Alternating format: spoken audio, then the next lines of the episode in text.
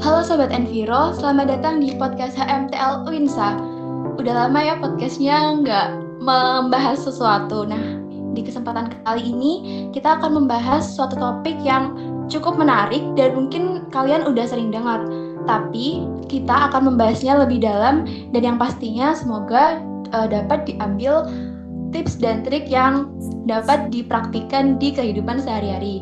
Sebelumnya kenalin dulu aku Nisa dari NV5 dan aku Eka Rahma dari NV6. Halo. Nah, kita kedatangan narasumber yang kece banget nih dan pastinya bakalan uh, dapat pembahasan yang wow. Oke, okay, selamat datang Mbak Nazla NV4. Halo teman-teman. Nah, di podcast kali ini kita bersama Mbak Nazla bakalan ngobrol-ngobrol asyik tentang zero waste khususnya di masa pandemi ini. Kita mau dengar pengalaman Mbak Nazla untuk mempraktikkan zero waste di kehidupan sehari-harinya. Mantap banget nih Mbak Nisa bahasannya. Apalagi sekarang lagi pandemi ya, jadi uh, bahasan ini kayak penting banget untuk kita yang lagi di rumah aja. Iya. Oke, okay, mungkin Mbak Nazla bisa menyapa dulu nih teman-teman Sobat Enviro yang lagi dengerin podcast kita. Oke, halo teman-teman. Nama saya Nazla dari NV4. Uh, eh, mungkin nanti ke depannya kita bakal uh, sharing dan mungkin ini hanya sedikit uh, sharing pengalaman aja kali ya berdasarkan pengalaman jadi mungkin nanti uh, terlalu banyak data karena kita bercerita santai aja kan kayak gitu Iya, jadi Oke, Mbak Najwa. Ini kalau boleh tahu Mbak Najwa kesibukannya ngapain ya sekarang selama pandemi ini? Kalau kesibukannya ya tetap sama kayak kalian ya, kuliah kayak gitu. Terus kebetulan sekarang juga uh, lagi menyelesaikan PKL dan sambil nyusun-nyusun. Itu apa proposal tugas akhir juga. Tapi juga sambil hiburan hiburannya uh, sambil ngejagain jaga warung warung minim sampah itu di di rumah sama uh, lagi senang jalan-jalan aja gitu untuk nulis-nulis hal-hal yang ada di sekitar kalau sambil main gitu jadi lebih ke kayak bolang gitulah itu untuk hiburannya karena ya kalau ketemu tugas mulu kan mumet juga gitu Iya nih Mbak setuju banget. Kadang-kadang emang kita harus butuh refreshing bentar nih dari tugas biar nggak suntuk. Ngomongin soal zero sebenarnya menurut Mbak Nazla sendiri, waste itu artinya apa sih? Kalau dalam pemahamannya Mbak Nazla gitu. Uh, Oke okay ya. Kalau misalnya mungkin uh, banyak Bener ya teman-teman yang mengartikan zero waste gitu kan, uh, nol sampah kalau istilahnya tapi kalau dari uh, sekarang gitu kita lihat gitu kan banyak yang mengartikan zero waste itu kayak kita merubah semua barang barang-barang kita ke yang serba kayu kayak gitu-gitu ya itu itu menjadi hal yang cukup menggelitik sih sebenarnya ketika Nazla memulai gitu. Kalau misalnya semua harus dirubah jadi serba kayu, kita harus pakai kain-kain kayak gitu, uh, berapa kos yang kita harus keluarkan gitu. Apalagi kalau Nazla lihat gitu ya, harga-harga yang kayak gitu kan cukup uh, tidak ramah gitu bagi anak-anak kos gitu kan buat kita kita gitu jadi akhirnya Nazla pribadi mengartikan uh, itu secara secara holistik gitu bahwa uh, zero waste adalah bagaimana kita bisa mengoptimalkan uh, sumber daya yang kita miliki dulu gitu jadi kalau kalaupun di rumah kita ada uh, apa ya wadah plastik gitu ya gunakan itu gitu gunakanlah itu sampai uh, kalau istilah kasarnya mah kayak membusuk di tangan kita sendiri gitu. Jadi kalau misalnya kita punya plastik ya gunakanlah plastik itu sampai itu rusak di tangan kita sendiri. Jadi lebih kayak itu sih. Terus juga uh, uh, ini juga kalau menurut Naga si zero waste ini sangat berhubungan sama uh, gaya hidup kesadaran gitu. Di mana kita uh, punya alasan gitu. Uh, punya alasan untuk menentukan sikap dan kita tuh uh, dengan memiliki alasan kita juga tahu gitu dampak apa yang kita lakukan dari hal-hal yang kita uh, kerjakan jadi uh, dari situ kan kita bakal lebih sadar gitu memutuskan dan lebih bijak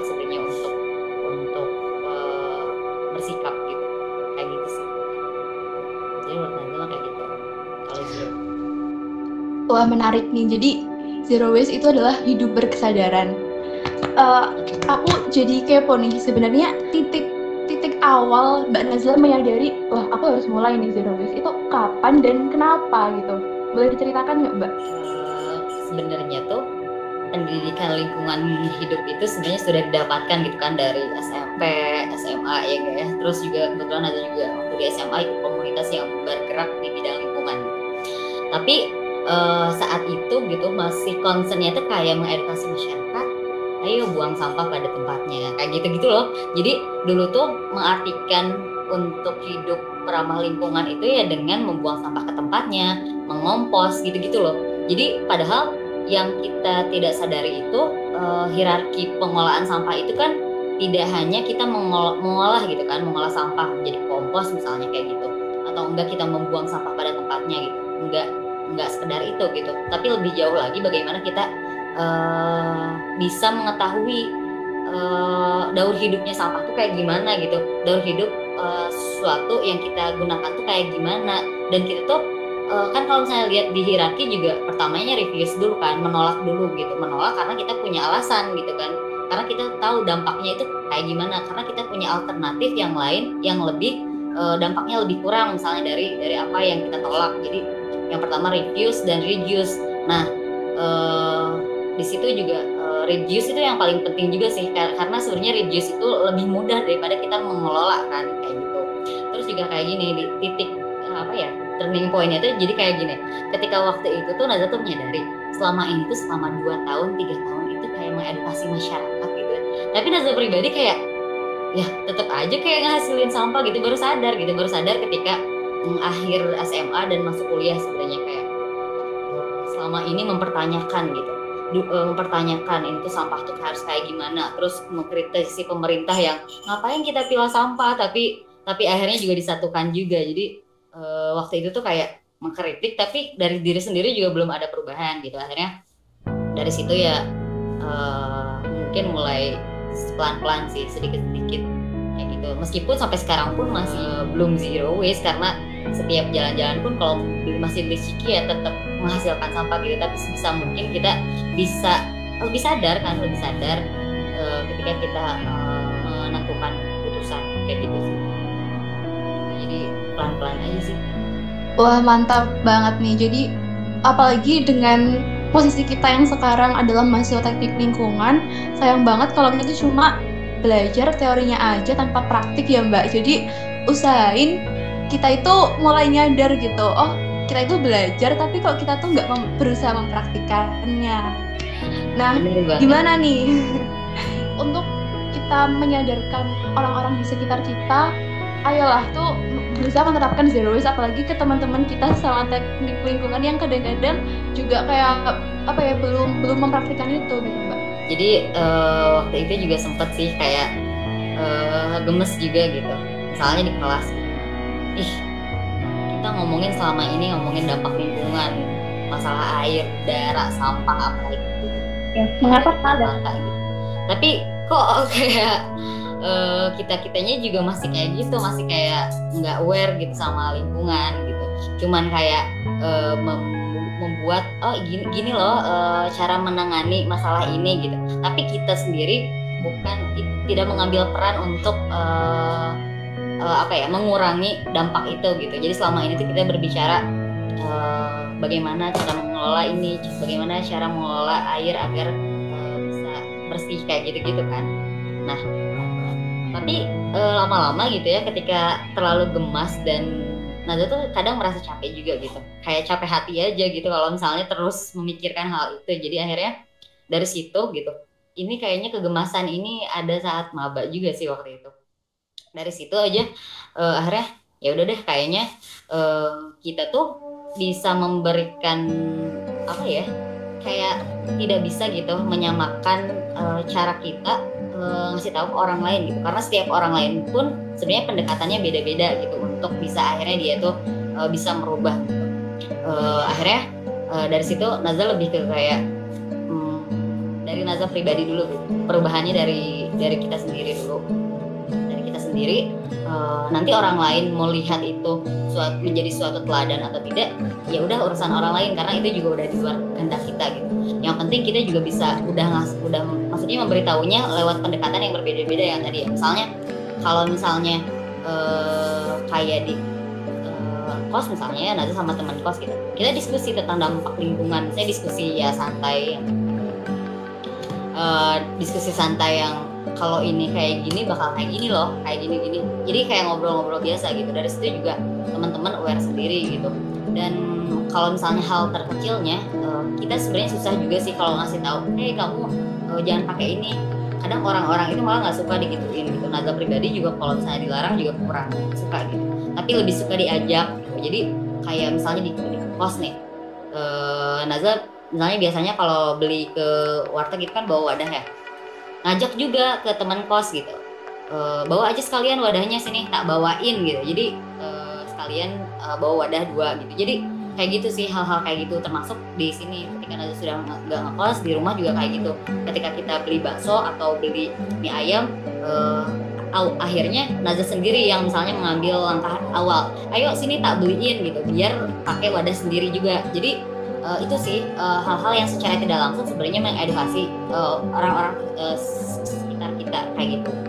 Terutama ya mungkin nanti teman-teman kita yang lingkungan gitu yang sebenarnya mereka tuh sudah paham gitu dampaknya gitu. Tapi ya uh, itu kan uh, kita uh, lagi-lagi kita juga nggak bisa mengendalikan perasaan dan pikiran orang lain gitu. Jadi ah ya udah we ketika kita sudah mengambil langkah dari diri kita sendiri orang lain mau mengikuti atau enggak mah bukan urusan kita lagi itu udah di luar kendali kita gitu jadi biar nggak capek hati gitu sih Oke Mbak Nasra, iya bener banget Mbak. Jadi kayak apa ya, kita buat menyadarkan orang itu emang agak menggemaskan Mbak, bikin kita gemas sendiri kalau untuk hal supaya kita peduli sama lingkungan kita. Dan kalau dari aku sendiri ya Mbak, jadi aku ini sangat termotivasi banget sama apa yang udah diterapin sama Mbak Nazla sama ini. Jadi kayak aku tuh dapat teguran, kayak gini ya, apa sebenarnya kalau kita melakukan satu hal kayak gitu tuh akibatnya lingkungan kayak gini gitu. Jadi aku baru aku bener-bener baru menyadari tentang apa ini menerapkan hidup zero waste sama eco lifestyle seperti itu itu baru dari apa pengetahuan yang dari kating-katingku terutama dari mana jalan ini sih. Kalau kayak gitu iya mbak Nazra. Kalau boleh tahu mbak Nazra ini um, praktik apa mbak yang udah mbak Nazra lakuin selama ini? Um, waktu waktu kalau misalnya praktik yang zero waste itu apa aja gitu ya. Yang pertama uh, sebenarnya kalau di kos ya Nazar bercerita dulu ya. Kalau di kos itu Nazar sudah sudah memilah karena kan di kosmo sendiri gitu ya atau sama teman lah ya. Jadi lebih mudah gitu memilah sampah uh, residu terus Nazar pernah bikin eco brick. Sebenarnya di kos. Juga uh, memisahkan sampah bekas makan juga gitu. Tapi maksudnya bekas sayuran yang habis masak itu juga dipisahkan. Meskipun saat itu di kos itu belum ada alternatif untuk mengompos dan tidak ada lahan kan waktu itu. E, makanya Nazar biasanya kalau bekas yang buah-buahan tak bikin ekoenzim di kos. Kayak gitu. Terus e, yang paling penting dan merasa Nazar merasa berdampak itu ketika mengurangi sih. Jadi kayak e, challenge banget gitu ketika kita menolak uh, plastik ketika beli pentol. Banyak cerita yang menarik gitu ketika uh, menolak uh, plastik. Kebanyakan uh, si mamang-mamangnya itu mas-masnya itu yang jualan itu kayak uh, aneh gitu. Apa-apa kok mbak nggak apa-apa. Gitu-gitu kan. Uh, tapi ada yang juga kayak oh ini untuk mengurangi plastik ya mbak gitu-gitu. gitu jadi banyak akhirnya mm, jadi akrab gitu sama si mamangnya. Naza punya langganan pentol tuh uh, yang di depan kampus. Itu sampai dia tuh udah tahu gitu. Jadi selalu dilebihin pentolnya tuh wah itu keuntungan juga. Itu sih. Jadi kayak sudah udah ubah juga gitu. Kalau misalnya ke mana-mana Nazla bawa wadah biasanya. Terus termasuk juga di sini gitu di ketika di rumah. Nah ketika di rumah ini challenge-nya semakin besar karena di rumah banyak orang kita nggak bisa yang langsung langsung uh, memisahkan ya sampah misalnya. Pak ini uh, sampah ini ya ini itu butuh waktu yang lama. Nazla pun sebenarnya pertama kali ngajak ke keluarga pertama kali ngajak keluarga untuk memisahkan sampah itu kayak gini. Nazla minta tolong ke orang tua untuk memisahkan uh, kulit-kulit buah sama sisa makanan sama plastik. Itu tuh caranya tuh dengan Pak uh, Bu minta tolong uh, pisahin ya soalnya Nanas ada praktikum praktikum kompos. Itu ngebohong sih ya tapi itu juga sebagai salah satu cara untuk membiasakan mereka gitu. Uh, akhirnya mereka tuh kebiasaan gitu. Akhirnya mereka kebiasaan memisahkan uh, sampah buah kulit buah sampah bekas makanan sama plastik. Itu sih. Uh, bahkan adik sendiri akhirnya tuh dia tuh kayak gak berani gitu. Kalau misalnya dia tuh beli es ya beli es plastik pasti yang kayak misalnya boba ya bekas boba dia tuh pasti uh, langsung dicuci langsung teh ini nanti buat nanam-nanam kayak gitu. Jadi uh, itu tuh butuh proses sih kayak kita tuh harus punya cara-cara yang mungkin bisa mengenakan orang-orang terdekat kita karena kita juga gak bisa sih kayak nyuruh kayak gitu langsung gitu ya. Akhirnya kan dengan cara yang minta tolong kayak gitu itu terserah sih itu juga mungkin caranya beda-beda gitu. Akhirnya juga sekarang kebiasaan juga gitu. Kalau misalnya ada sampah uh, kulit uh, teh nanas ini mau dijadiin itu enggak katanya kompos atau apa? Kayak gitu gitu terus juga kayak hmm, di rumah nih uh, bawa wadah. Kayak gitu. Dan Nazar tidak tahu ya merasanya gitu ketika bawa wadah. Dan kebiasaan jajan gitu ya beli kebab gitu bawa wadah sendiri gitu. Jadi lebih itu aja apa jadi lebih dekat sama orang yang jualan gitu. Malah lebih bisa ngobrol banyak gitu. Jadi bisa jadi salah satu kita untuk pendekatan ke masyarakat. Menurut Nadia kan kayak gitu ke orang lain gitu ya. Karena uh, kadang dengan mengobrol sama orang-orang kayak gitu tuh kita tuh mendapatkan hal lain yang tidak kita dapatkan di kuliahan. Ilmu lapangan gak katanya. Kayak gitu sih. Kayak uh, ngobrol sama yang di pasar gitu-gitu. Seru sih sebenernya kayak gitu. Banyak manfaatnya sih menurut aku kalau kita sadar gitu. Iya mbak waduh ini apa ya sangat menarik sekali yang disampaikan sama mbak Nadia ini oh ya mbak untuk kalau boleh tahu untuk wadah sendiri itu ada ini nggak mbak kayak ada referensi atau alternatif lain selain bawa wadah mungkin dari Mbak Nagra? Kalau kayak selain harus bawa wadah itu kita nerapin apa gitu Mbak? Uh, yang tadi ya, misalnya yang mau ngerejus berarti kan kita bawa wadah, tote bag, terus misalnya sedotan. Meskipun uh, sedotan itu nanti juga agak ketika baca yang mungkin kalian juga pernah ngedenger ya ketika waktu itu sedotan stainless menjadi tren gitu kan malah ternyata e, dampak lingkungan itu lebih besar gitu karbonnya lebih besar gitu. jadi sebenarnya kalau yang sedotan ini Naza punya tapi sebenarnya kita juga nggak usah beli kita juga bisa menguranginya dengan tidak menggunakan sedotan kita juga masih bisa minum kok tanpa sedotan bahkan kan kalau dari segi lingkungan eh, di dari segi kesehatan juga kan sebenarnya lebih bagus di teguk biasa kan daripada di sedot gitu kan dari segi kesehatan. Terus uh, tote bag wadah makanan terus Naza biasanya bawa uh, seperangkat itu sih kayak uh, sendok garpu. Karena di beberapa rumah makan tuh kalau sekarang ada semenjak pandemi ya jadi uh, mereka ada yang sudah tidak menggunakan kalau sendoknya itu sudah pakai sendok plastik gitu karena mungkin mereka ingin menghindari uh, tidak diinginkan atau apa gitu. Jadi pakai sendok plastik untuk menghindari itu juga gitu. Bahwa tote bag itu penting sih menurut Azama uh, karena juga sekarang kan beberapa beberapa Alfamart juga sudah udah nggak boleh ya udah nggak boleh pakai plastik gitu. Terus itu kalau selama pandemi ini ya masker pakai masker kain gitu kan untuk uh, uh, untuk mengurangi uh, itunya. Dan ini hand sanitizer kan biasanya kita beli misalnya berapa satu dua gitu kan. Atau biasanya itu sekarang beli yang refill gede gitu jadi nanti tinggal refill gitu. Jadi kan sampahnya juga uh, nggak nggak harus banyak gitu. Nazla beli langsung yang refill gede jadi nanti tinggal isi ulang buat keluarga itu gitu sih kalau waktu pandemi iya paling kalau mengelolanya ya kompos kayak gitu. Kemarin uh, sebenarnya Nazla belum ya mengumpulkan yang plastik.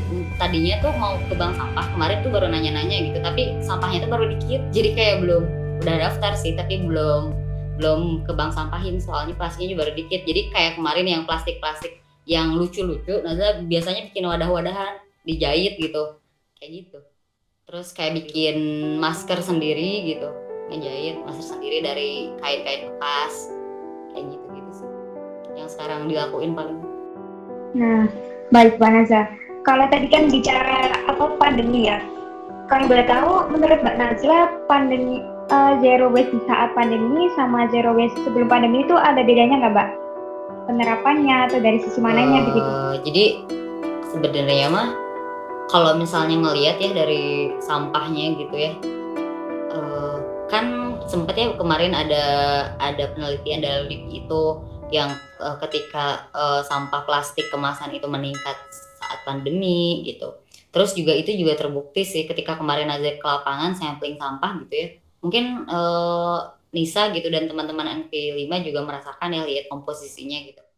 Kalau di Nazar sendiri di Sukabumi terutama itu terjadi perubahan komposisi yang signifikan gitu antara sebelum pandemi dan cukup signifikan gitu. Dari sebelum pandemi sama uh, sesudah pandemi gitu kan. Ketika plastiknya itu emang meningkat kalau saat ini. Dan selain plastik juga uh, itu sih dia first itu loh juga meningkat. Karena di Jawa Barat ini uh, angka kelahiran tuh meningkat. Jadi kalau dilihat dari sampahnya oh iya juga ya benar. Karena diapers juga meningkat gitu. Sama ternyata hmm, ini juga apa uh, menstrual pad kayak gitu-gitu itu cukup naik signifikan gitu sebelum pandemi sama sudah. Kaitannya sama zero waste uh, se uh, sebelum dan sesudah pandemi gitu ya. Pas pandemi dan sebelum gitu. Sebenarnya secara konsep kan sama aja tapi uh, ketika pandemi itu sebenarnya menjadi ruang yang cukup apa ya potensi yang cukup bisa kita lakukan untuk memulai gitu titik mulainya gitu. Karena yang pertama gini ketika pandemi ini kan kita uh, dituntut untuk maksudnya kita lebih menjaga gitu lebih sadar sama kesehatan kita kan. Dengan kita membawa wadah apa kayak wadah sendiri sendok sendiri kan itu juga uh, zero waste tapi kita juga menjaga gitu menjaga kesehatan kita gitu kan. Jadi sebenarnya uh, menurut Nazal pandemi itu bisa menjadi titik awal untuk uh, kita bisa memulai gitu. Kalau misalnya kita mau memulai ya kita memulai kayak gitu. Uh, itu terus uh, kayak waktu itu kan sempat ada hati-hati uh, di plastik kayak gitu kan bisa menjadi tempat uh, virus gitu kan. Itu juga kan dengan kita memakai tote bag kayak gitu kan sebenarnya uh, itu tuh kayak mengurangi potensinya. Jadi kalau menurut Nazama sih sebenarnya kalau dari konsep zero waste-nya mah sama aja gitu. Tapi uh, dari situ kita bisa menjadikan suatu momentum gitu loh. Jadi momentum untuk memulai kayak gitu sih. Karena gini kemarin juga sempat ya ada ngobrol ada sama temen gitu. Dari orang kesehatan gitu kan. Dia kayak uh, aku tuh sebenarnya bawa kayak wadah gini-gini tuh bukan karena misalnya kayak beli seblak nggak pakai styrofoam tapi pakai wadah sendiri itu ya bukan karena zero waste sih Nas katanya tuh. Tapi karena aku pengen ya aku tahu gitu ketika pakai styrofoam itu dan kondisinya beli seblak panas itu uh, itu karsinogenik dan lain sebagainya gitu. Jadi uh, bisa pendekatannya dari kesehatan juga gitu. Bahwa ketika kita sadar untuk diri sendiri sebenarnya kita juga sadar untuk lingkungan sih sebenarnya kayak gitu. Jadi saya selalu yakin uh, untuk diri dan bumi gitu. Untuk diri dan bumi itu sangat uh, berkaitan kayak gitu sih. Wah ini harus digarisbawain sih ya. Jadi pandemi ini kenapa nggak kita jadiin buat titik awal kita mulai sesederhana kita lebih milih untuk pakai masker kain daripada masker sekali pakai yang itu bakalan ngaruh kan di timbulan sampah selama pandemi ini. Uh, Iya bener banget Mbak Nisa. Dan apa sih uh, menurut Mbak Nazla sejauh ini ada nggak sih kendala yang dihadapi? Mungkin uh, mungkin kayak aku harus bawa bawa seperangkat seperangkat zero waste kit ke mana-mana itu agak ribet. Atau mungkin ada orang atau ada penjual yang tetap kayak nggak mau nih kayak nolak gitu. Ada nggak sih mbak kendala-kendala yang dihadapin? Betul ini serunya sebenarnya. Jadi yang tadi yang pertama itu mungkin uh, ribet ya gitu bawa uh, wadah gitu atau bawa tumbler gitu itu juga balik lagi ke kitanya juga gitu. Misalnya kalau emang kita tidak saya Naza juga tidak setiap hari yang keluar bawa itu gitu ketika Naza tidak niat untuk uh, jajan gitu. Jadi itu sih makanya kenapa zero waste itu sangat berhubungan sama gaya hidup berkesadaran sih maksudnya karena ketika kita kita tuh lebih apa ya kita punya perencanaan aja gitu. Kayak setiap kita mau menentu memilih itu kita tuh memutuskan dengan sadar gitu. Jadi kayak misalnya mau jajan nih mau jajan kan kita sudah merencanakan makanya kita bawa wadah gitu. Tapi ketika kita tidak mau jajan oh ya udah nggak usah bawa wadah. Tapi kadang ya hilaf gitu kan e, ngelihat ada e, yang tiba-tiba makanan ada makanan misalnya makanan yang uh, tiba-tiba ada gitu ya. Naza pernah nih ya beli ada makanan gitu yang jarang ada tiba-tiba ada gitu. Terus gak niat kan ya gak niat beli gitu. Tapi kan sayang untuk dilewatkan ya udah akhirnya kan bau pakai dus itu itu kue gitu ya pakai dus uh, yang dipakai tapi Naza nggak pakai plastik. Jadi sebenarnya kita tuh uh, juga nggak perlu gitu ya yang kalau menurut Naza ya untuk memulai itu nggak perlu yang keras kepala nggak no eh, nggak uh, boleh pakai plastik nggak boleh pakai apa. Nggak gitu sih kalau menurut Naza jadi kita ya pelan-pelan aja tapi kita sadar gitu ketika kita menentukan itu gitu. Jadi uh, dengan kita mengurangi satu plastik juga itu it's okay gitu ketika kita terpaksa untuk menggunakan plastik gitu. Misalnya tadi ada ngomong yang uh, tetap kekeh gitu ya. Jadi dia tuh malah gak enak gitu kalau eh, nggak pakai kita tuh nggak pakai plastik gitu kan kayak gitu ya banyaknya gitu. Eh tenang eh tenang maaf. Nggak apa-apa saya nggak apa-apa mbak gitu. Ini pakai pakai aja plastik nggak apa-apa kok ini masih banyak misalnya kayak gitu gitu uh, yang nggak kurang ngerti gitu kan masih belum ngerti ya udah kan daripada kita jadinya akhirnya nggak kurang sopan gitu kan ya udah terima aja nggak apa-apa. Tapi plastik itu gunakanlah ulang gitu jangan langsung dibuang. Jadi e, sebenarnya banyak alternatif-alternatif untuk kita e, bisa memulai gitu. Maksudnya teh memulai e, hidup e, dengan lebih minim sampah tuh nggak harus kita yang tok akhirnya membenci plastik gitu. Nggak kayak gitu sih menurut aku.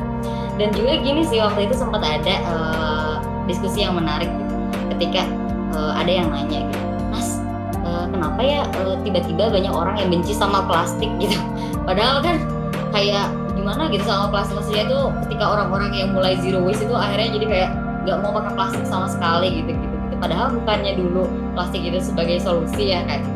Nah itu sih kalau misalnya Naza pernah nonton gitu ya nonton di uh, TED Talk waktu itu. Uh, jadi ketika orang-orang semua akhirnya makanya tadi ya agak uh, menggelikan ketika uh, akhirnya semua pada ganti ke serba kayu ke serba kain gitu. Nah itu sih kalau menurut Naza tidak melihat secara holistik dampak dampak e, lingkungannya gitu. Ketika sekarang banyak yang akhirnya beralih ke kayu kita tidak melihat e, oke okay, kayu cepat e, terkomposkan tapi kita nggak lihat stok karbonnya berarti dibuang diambil nih gitu kayak deforestasi gimana mana gitu. Akhirnya stok karbon juga berkurang. Jadi uh, kayak gitu sih. Jadi kalau menurut Naza tuh kita tuh tidak hanya bisa melihat dari satu kayak sekarang semua eco produk diganti sama uh, kayu semua. Semua diganti pakai kertas semua. Uh, atau kain gitu kan. Tapi ketika kita tidak menggunakan kain itu misalnya kan ada ya penelitiannya bahwa ketika kita pakai memilih untuk kain sebagai belanja ya daripada plastik dan kita tidak menggunakan kain itu sebanyak minimal seribu kali itu bakal dampaknya itu lebih besar daripada kita menggunakan plastik dengan misalnya tiga kali. Coba teman-teman ya Naza maafkan kalau datanya lupa tapi uh, itu sih uh, secara uh, maksudnya berarti gitu ya kita tuh kalau misalnya melihat uh, melihat sesuatu dampak dampak lingkungan itu tidak hanya kita bisa uh, lihat dari satu sisi aja ketika uh, kayu bisa cepat dikompos ya kita lihat juga di hulunya tuh gimana ketika kayu ditebang dengan banyak uh, misalnya masif gitu kan itu juga dampak lingkungannya malah lebih besar lagi kayak gitu sih. Uh, makanya sekarang kenapa banyak Indonesia juga mulai sekarang ada perhitungan life cycle assessment gitu kan menghitung uh, dampak lingkungan secara holistik dari hulu ke hilir kayak gitu gitu sih. Jadi uh, kayak gitu sih. Makanya kita nggak bisa ngelihat dari satu sisi. Kamu menggunakan plastik pun nggak apa-apa kamu pakai plastik asal kamu bijak menggunakan plastiknya. Makanya kenapa? Kalau pakai plastik nggak apa pakai plastik ya. Sampai plastik itu membusuk di tanganmu. Kayak gitu sih kalau kata ada suatu diskusi hasil diskusi. Kayak gitu. Uh, jadi uh, apa ya sebenarnya nggak apa-apa pakai plastik cuma se sebe seberapa bijakkah kita menggunakan apakah kita akan menggunakan ulang atau langsung membuang? Kan bahkan ada yang uh, aku pernah lihat kayak ya practical zero waste gitu mereka cuci ulang plastik itu biar bisa dipakai lagi gitu. Jadi iya benar. uh, ya kalau misalkan mulai menerapkan zero waste berarti kita nggak harus yang kayak anti plastik kayak no plastik gitu ya mbak ya? Kalau menurut Naza sih kayak gitu ya tapi mungkin ada lagi yang uh, paham yang benar-benar nggak mau plastik gitu. Itu juga udah bagus banget gitu ya yang benar tidak menghasilkan gitu ya tidak menggunakan gitu. Tapi kalau untuk sekarang gitu ya untuk Naza memulai gitu untuk kita bisa memulai ya kita juga uh, menurut Naza sih nggak terlalu harus keras kepala yang benar-benar menolak. Karena uh, Nazla pribadi di rumah di lingkung di lingkup keluarga pun masih sangat kayak menggunakan plastik. Makanya uh, ya udahlah nggak apa-apa kalau emang ada plastik di rumah akhirnya kan tapi ya kita gunakan lagi kita cuci. Itu Nazla juga uh, sekarang tuh sedang membiasakan untuk mencuci plastik menjemur uh, dan ya, emang itu agak uh, sedikit apa ya ya tanggal apa ya kalau bahasa Indonesia bahasa Indonesia nya jadi kayak satu-satu gitu kan harus uh, uh, nyuciin gitu kan. Tapi ya itu gitu itu pembiasaan sih akhirnya gitu. Dan lagi-lagi kan uh, yang penting kita sadar gitu. Sadar ketika kita memilih itu kita tahu dampaknya.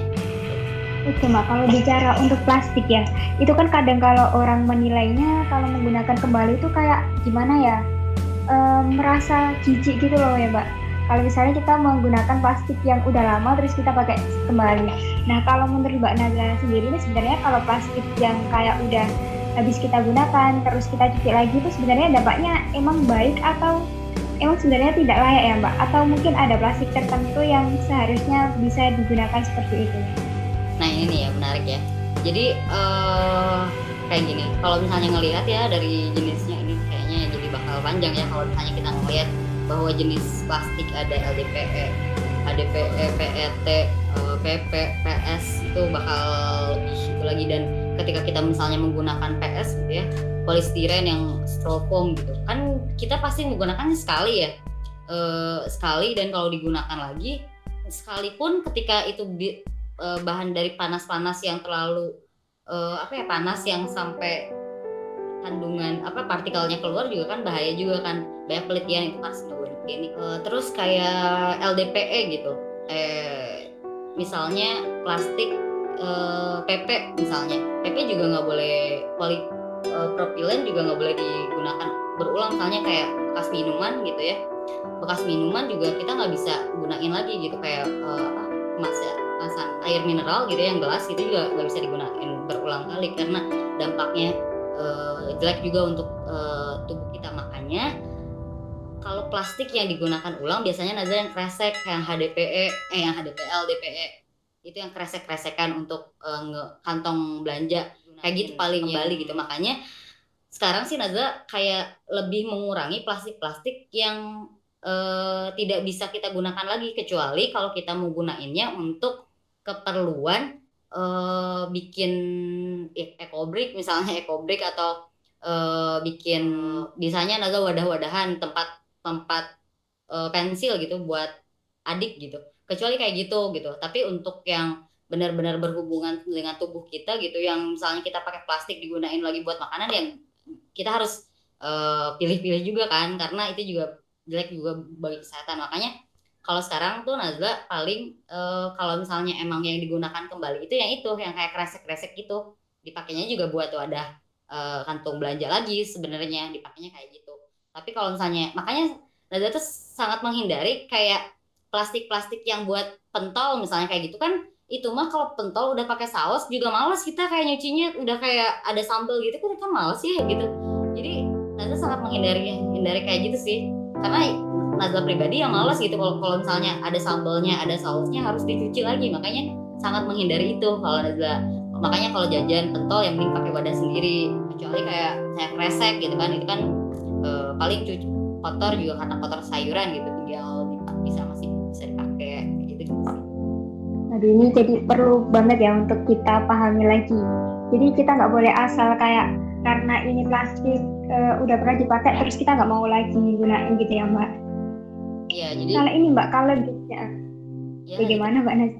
Ya itu kayak stigma aja sih karena mungkin plastik ada plastik mah murah ini gitu bisa beli lagi gitu. Jadi dari situ sih kayak itu jadi stigma gitu ya. Lagian kan plastik itu kan nggak salah sih, tapi cara kita memperlakukannya kan. Itu karena udah apa ya, udah menjadi budaya kita. Mungkin karena itu juga, Mbak uh, gini mbak kalau kita bicara kayak sebuah sebuah nilai barang ya mbak uh, bener nggak sih mbak kalau hidup berkesa berkesadaran atau hidup yang minimalis seperti itu kita harus membutuhkan atau mengeluarkan modal yang cukup besar mbak. Jadinya mungkin karena dari modal tersebut atau mungkin karena dari suatu nilai atau harga tersebut menjadikan kita itu uh, sulit menerapkan gitu mbak. Karena kadang yang lebih praktis itu yang lebih murah. Bener nggak sih itu mbak Nana? Nah ini sih yang Nana juga uh, waktu itu pikir-pikir gitu maksudnya berpikir kenapa gitu orang-orang kan uh, kayaknya gaya hidup berkesadaran itu berhubungan sama minimalis, zero waste, terus healthy lifestyle gitu-gitu ya sangat berhubungan gitu ya. Uh, kayak misalnya uh, minimalis gitu. Kalau misalnya kita Naza juga pertama kali ngelihat orang-orang yang minimalis itu yang benar-benar dia tuh uh, misalnya pakai uh, baju yang kemeja kemeja putih hitam gitu kan tok gitu kan. Terus kayak HP-nya iPhone gitu Apple gitu gitu kan. Gitu. Soalnya Naza juga punya teman yang pas SMA juga kayak gitu ya minimalis orangnya. Dan ya karena ekonomi ke atas gitu ya ke atas. Yang pertama itu yang ada uh, itu kan juga pernah pikirkan yang kedua zero waste yang tadi yang udah tak singgung ya yang kita harus beli serba uh, kayu gitu kan mahal gitu. Terus yang ketiga healthy lifestyle sayuran organik itu mahal kan gitu kan untuk kalangan menengah ke atas. Gitu ketika Nazda mencari uh, itu sebenarnya Nazda juga uh, waktu itu sempat kayak pikiran tiga itu. Ketika akhirnya mendalami gitu ya kayak mencari tahu beberapa referensi gitu terus kayak uh, lihat orang yang benar-benar sudah mempraktikkan gitu. Ternyata tidak se apa ya tidak se nggak kayak gitu sih kalau menurut zaman jadi kayak misalnya uh, kita memulai gaya hidup minimalis ya. Tadi kan Eka katanya uh, kita dari nilai uh, barang gitu kan lebih mahal ya. Sebenarnya nilai barang mahal atau enggaknya itu kan tergantung kita ya. Misalnya dan kita juga yang memutuskan. Kayak misalnya kemarin ya ini juga kayak kemarin ada beli kerudung gitu nyari bahan-bahan. Itu nanti sebenarnya sampai beberapa bulan gitu cari yang bahannya cocok gitu. Jadi gini dulu tuh sebenarnya dulu Naza pernah cari yang murah gitu ya. Dulu Naza pernah nyari yang murah. Kerudung e, pengalaman ya. Ini kerudung yang murah oke okay, yang harganya eh, dua puluh ribu gitu ya dua puluh ribu. Tapi ketika Nazla evaluasi ternyata gini ternyata uh, kerudungnya dua puluh ribu ini biasanya kan uh, cepet nggak tahu ya karena perawatannya atau gimana gitu. Jadi cepet uh, berbulu gitu. Cepet jadi warnanya jadi agak pudar kayak gitu gitu sih. Itu kan ngaruh juga ya dari bahan. Akhirnya Nazla tuh gak mau pakai lagi. Paling berapa bulan udah beres tak ganti lagi kan beli lagi. Jadi sebenarnya multazama dengan membeli satu barang yang lebih kita kita kita cari tahu dulu dan kita mungkin lebih mahal dikit gitu ya. Misalnya akhirnya yang 40 ribu gitu ya lebih mahal dikit. Uh, tapi itu tuh dipakainya lebih lama kan sebenarnya sama aja gitu. Sama aja ketika kita membeli dua kerudung itu. Dan juga gini yang lebih penting lagi ketika kita mencarinya itu tidak hanya dengan uh, kebutuhan gitu ya. Kayak misalnya Nazar butuh nih kerudung. Tapi kita tuh bener-bener cari cari itu gitu. Bener-bener kayak mencari bahannya uh, cari bahannya terus kita cari uh, tempat belinya di mana terus kita mengeluarkan akhirnya mengeluarkan itu berani gitu. Dengan proses itu tuh jadi kayak ada lebih rasa ada kepemilikan dan lebih ras ada kepuasan gitu. Daripada kita beli ah oh iya aku butuh beli gitu. Jadi beda gitu dengan yang kita tuh benar-benar cari gitu. Kayak gitu sih. Makanya sekarang juga masih belajar juga kayak yang beli itu emang berdasarkan kebutuhan dan kita tuh harus benar-benar sadar gitu ketika kita beli itu ini tuh barangnya kayak gini bahannya kayak gini gini gini. Itu tuh lebih ada ke kepuasan tersendiri gitu loh. Daripada cuman oke okay, beli kebutuhan oke okay, ada uangnya udah langsung beli. Jadi kurang ada sayangnya gitu sama barang tuh. Nanti sih kayak gitu sih kalau sekarang. Dan prinsipnya tuh uh, sekarang tuh kalau misalnya kita beli satu barang Naza sudah mulai mulai itu kalau misalnya beli satu barang minimal satu barang keluar gitu minimal ya. Kalau misalnya ada dua tiga berarti ya itu kita udah lama nggak pakai gitu kan. Kayak gitu sih. E, jadi dari situ sih e, minimalis itu ya nggak cuman yang e, kita harus beli barang serba mahal. Karena kan barang mahal dan tidak juga sesuai kebutuhan kita gitu. Kayak gitu. E, ada sih barang mahal dan murah itu kan tergantung kita juga. Kita kita apa ya gaya hidup juga tergantung kita juga gitu. Kayak gitu sih yang nggak harus kan standar kita juga beda dengan standar orang lain. Terus kayak tadi uh, yang serba mahal gitu ya dan mudah. Misalnya sayuran organik gitu. Sayuran organik selama ini Naza akhirnya ngobrol sama teman-teman aja yang mereka menerapkan pertanian agroekologi yang benar-benar organik gitu. Sebenarnya yang mahal itu bukan organik bukan sayuran organiknya tapi label organiknya gitu. Jadi makanya iya makanya kenapa kita beli sayuran organik mahal? Karena itu kita membeli label organiknya sih. Ini liar ya. Jadi uh, kalau misalnya kita mau hidup sehat dengan organik, sebenarnya kita tidak perlu membeli sayuran yang berlabel organik, tapi kita bisa membeli sayuran di petani yang menerapkan uh, prinsip organik, gitu, menerapkan agroekologi. Jadi pas Naza juga selama ini beli ke teman yang ke petani, ada uh, para petani dan teman yang dia menerapkan pertanian organik itu gak mahal harganya sama kayak di pasar. Uh, buat timun satu kilo lima ribu. Sama kan lima ribu gitu. Tapi dia lebih sehat gak ada pestisida. Dia perlakuannya organik gak pakai pupuk kimia. Jadi sama aja gitu. Jadi stigma tentang uh, itu pertan apa uh, organik itu mahal. Terus sebenarnya itu ya itu stigma gitu. Jadi kita kitanya aja yang belum paham kita juga bisa kok tetap sehat. Misalnya kita bikin aja misalnya hidroponik di rumah atau kita nanam sendiri kan kita yang bisa mengatur itu gitu. Nggak usah pakai pestisida nggak usah pakai kimia. Pakai pupuk yang hasil kita kompos gitu kan. Jadi gitu. Itu sih. Jadi sebenarnya kalau pertama tidak ada sih yang mahal. Dulu Nazar sempat berpikir kayak gitu sih. Kayak aduh hidup mahal. Aduh zero waste mahal. Aduh mau sehat itu mahal gitu. Mau beli sayuran organik itu mahal tapi ternyata ketika itu tuh karena Naza sendiri belum memahami itu gitu. Bahkan waktu itu kalau kalian baca ya ada sempet uh, insta dari Instagramnya Mbak Nini ya Deka Wardani uh, yang praktisi zero waste juga. Uh, waktu itu gini di uh, itunya apa? Di captionnya. Gak usah uh, katanya intinya kayak gini zero waste itu nggak perlu foto uh, estetik estetikan gitu. Tapi kita bagaimana kita menggunakan dan mengoptimalkan apa yang ada gitu. Gitu dah intinya. Kayak kan sekarang tuh zero waste oke okay, estetik. Gimana fotonya ya? Gimana barangnya harus estetik gitu ya? Tapi ya kan bukan itu kan maksudnya itu bukan secara esensinya tuh bukan itu gitu. Kayak gitu. Jadi itu juga cukup proses yang sangat panjang untuk akhirnya uh, oh nggak kayak gitu kok. Akhirnya berpikir nggak harus mahal untuk zero waste nggak harus mahal untuk hidup sehat nggak harus mahal untuk jadi uh, untuk mulai hidup lebih minim gitu. Iya mbak. Uh, benar sekali nih yang disampaikan sama mbak Nazla ya. Yang untuk apa stigma mungkin kita udah terstigma bahwa kalau yang organik itu kadang kan mahal. Terus kita tuh harus beli yang mahal dulu supaya uh, karena apa ya? Mungkin karena terpercaya gitu ya mbak kalau udah bilang bahwa itu mahal gitu sih. Terus ini mbak kalau untuk itu saya mbak. Aku lupa mau tanya ya apa ya? Apa ya tadi sih mbak? Oh ya gini gini mbak kalau tadi bicara uh, untuk masalah pakaian ya mbak untuk bahan pakaian. Kalau menurut mbak Najla ini kan sekarang lagi marak sekali nih. Sejak online ini aku uh, sering kali mendengar bahan yang thrift nah itu kalau menurut uh, thrift apa? Thrifting ya? Itu kalau iya thrifting. Nah seperti itu.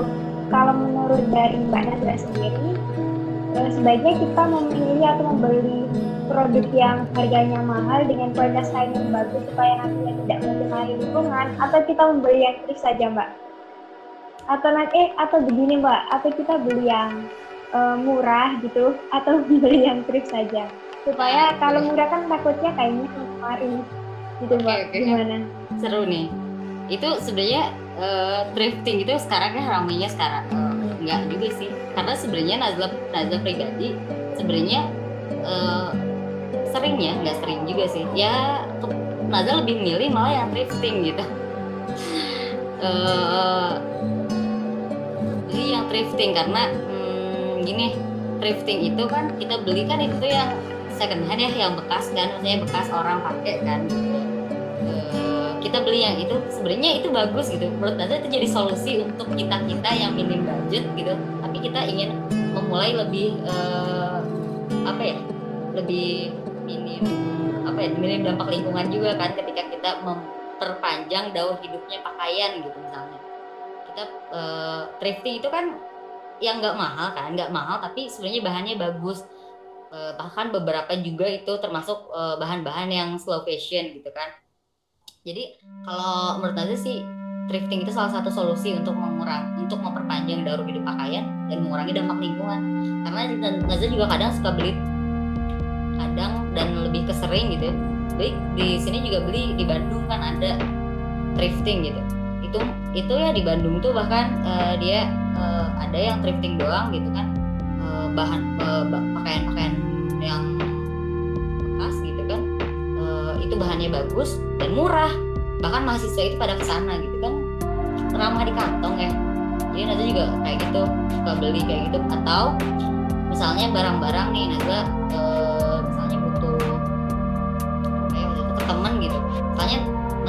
nyari dulu ke temen teman-teman di sini kalau misalnya butuh e, apa ya waktu itu pengen masak pengen masak tapi butuh apa Naza tuh terus e, tak cari ke teman-temannya di sini ada yang punya ini gak gitu mau tak uh, beli gitu ya dan gak dipakai gitu mau Naza beli gitu mending jadi selama ini Naza lebih uh, cari yang bekas dulu sih daripada dari orang-orang sekitar ya daripada langsung beli yang baru dan kurang bagus gitu. Yang murah gitu murah tapi baru tapi kurang bagus kualitasnya. Jadi kalau Naza pribadi ya Naza pribadi lebih memilih untuk yang bekas tapi kualitasnya bagus. Selain kita uh, punya produk yang bagus juga kita ya memperpanjang daun hidupnya gitu daun hidup barang itu. Jadi thrifting salah satu solusi sih mungkin tapi beda-beda ya kalau ini punya pandangan yang berbeda. Iya mbak uh, kalau dari aku sendiri sih emang sangat menariknya tuh di thrifting kalau misalnya nih dari labelnya terus dari nilainya hmm. uh, barangnya itu juga mbak iya benar Nah itu kayaknya juga udah di apa ya? Maksudnya dulu tuh hmm, sempet kayak nggak sadar sih dulu pas waktu kecil tuh uh, orang tua gitu ya mama dulu tuh kayak mengarahkan malah mengarahkan untuk beli beli. Misalnya ada uh, ke temen ya emang dia tuh apa ke orang tetangga misalnya tetangga tuh udah nggak pakai ovennya. Terus ya udah kita beli aja yang itu gitu yang dan yang kualitasnya bagus ya tentunya gitu ya. Kalau misalnya itu bagus itu ya dulu tuh udah biasain tapi masih belum ngerti itu apa maksudnya gitu. Baru sadar sekarang gitu baru sadar oh ternyata dengan kita beli yang bekas itu ya itu bagusnya. Bahkan ini ya Naza tuh sampai sekarang ada beberapa baju yang dia tuh ternyata baru tahu sekarang bahwa bahan-bahannya itu bahan-bahan slow fashion yang dulu mama beli. Jadi udah sampai daur hidupnya itu udah lama gitu. Dulu tuh ada yang dibeli dia tuh bekas juga dari temennya. Dan ada yang emang dia beli uh, dulu ya bahan-bahannya bagus itu sampai sekarang tuh masih awet masih bagus yang nggak pudar gitu loh bahannya. Kayak gitu. Jadi ternyata wah se holistik itu gitu. Dan thrifting bisa jadi salah satu solusi kalau menurut saya. Ini tuh kita tuh sebenarnya uh, obrolannya jadi melebar ke mana-mana gitu. Dan sebenarnya itu tuh yang bisa uh, bisa kita bahas dalam beberapa topik. Bener banget mbak. Kalau membahas sampah emang banyak sekali ini. Mungkin nanti bisa sampai ke food waste sampai ke makanan sampai ke nilai-nilai yang lain ya karbon gas rumah kaca wah itu sangat uh waduh. Pembahasan kali ini sangat menarik sekali dan banyak banget yang dapat kita ambil. Nggak cuma zero waste yang street aja tapi uh, lintas sektor. Kayak ternyata wah bersinggungan dengan uh, apa namanya gaya hidup minimalis. Lalu apa kayak gaya hidup yang mulai nggak apa-apa jangan gengsi loh. Kalau kita tuh mau beli uh, apa mungkin barang thrifting dan lain-lain pokoknya sebisa mungkin gimana caranya uh, kita itu mulai untuk zero waste. Nah dari Mbak Nazla nih sebagai penutup boleh diceritain uh, boleh dikasih nggak sih Mbak tips dan trik sekaligus closing statement buat teman-teman biar mulai untuk menerapkan zero waste di uh, kehidupannya sehari-hari. Hmm. Oke, okay. jadi buat teman-teman yang mau memulai hidup zero waste memang memulai itu sangat sulit gitu. Apalagi ketika kita memulainya sendiri. Makanya uh, hayu gitu bareng-bareng. Jadi uh, karena ya sendiri itu emang susah gitu. Dan kadang uh, Nazar sih ngajaknya ayo bareng-bareng. Tapi semua itu tidak akan uh, kita mulai ketika kita, tidak ada uh, tidak ada langkah untuk memulai gitu. Jadi uh, itu bisa berjalan ketika kita ada kita mau melangkah untuk memulai gitu. Jadi jangan jangan apa ya jangan kayak ada patokan-patokan oh yang udah zero waste tuh harus kayak gini gini gini. Udah aja zero waste-nya menurut diri sendiri gitu loh versi versi kita sendiri. Misalnya zero waste versi kita dengan membawa tumbler ke mana-mana. It's okay nggak apa-apa gitu. Jadi pelan-pelan aja gitu. Jadi perubahan-perubahan itu gitu jangan sampai membuat kita akhirnya jadi stres jadi jadi uh, kita nggak menikmati itu gitu. Jadi buatlah arti zero waste menurut kita sendiri agar kita bisa melangkah dan kita bisa menikmati itu. Kayak gitu sih kalau dari Nazla. Kita berubah dalam kenyamanan intinya kayak gitu. Terima kasih banyak banget. Jadi intinya adalah ciptakan arti zero waste menurutmu dan senyamannya aja gimana. Jadi pokoknya intinya mulai dulu aja Terima kasih banyak Mbak Nazla udah mau meluangkan waktu ngobrol-ngobrol sama kita tentang zero waste yeah. dan topik lainnya di kesempatan kali ini. Semoga teman-teman atau sobat Enviro yang dengerin dapat mengambil uh, beberapa pelajaran nih dan mulai tergerak untuk menerapkan zero waste di kehidupan sehari-harinya. Amin. Semangat teman-teman. Oke, okay, Mbak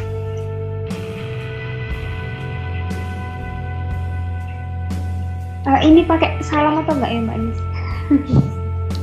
Terima kasih dan itu ini sampai jumpa di episode selanjutnya kayak gitu dan Eka. Oke. Okay. Uh, gini Mbak. Uh, Oke okay, oke, okay. aku ada ada kata-kata gini sih Mbak. Sebelum uh, penutupan aku ada kata-kata kayak gini. Small change to big to big impact gitu perubahan kecil untuk uh, membawa dampak yang besar.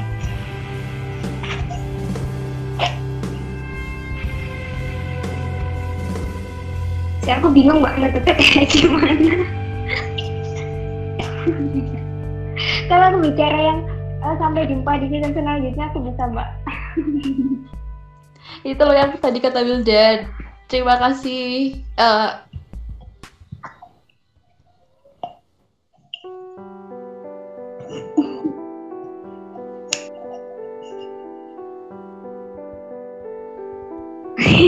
Bentar.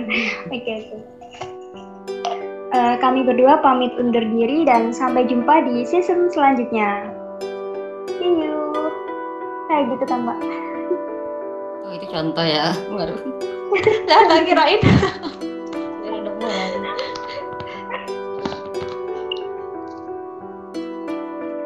baik sepertinya bisa dicukup. Eh kok tambah kayak pidato?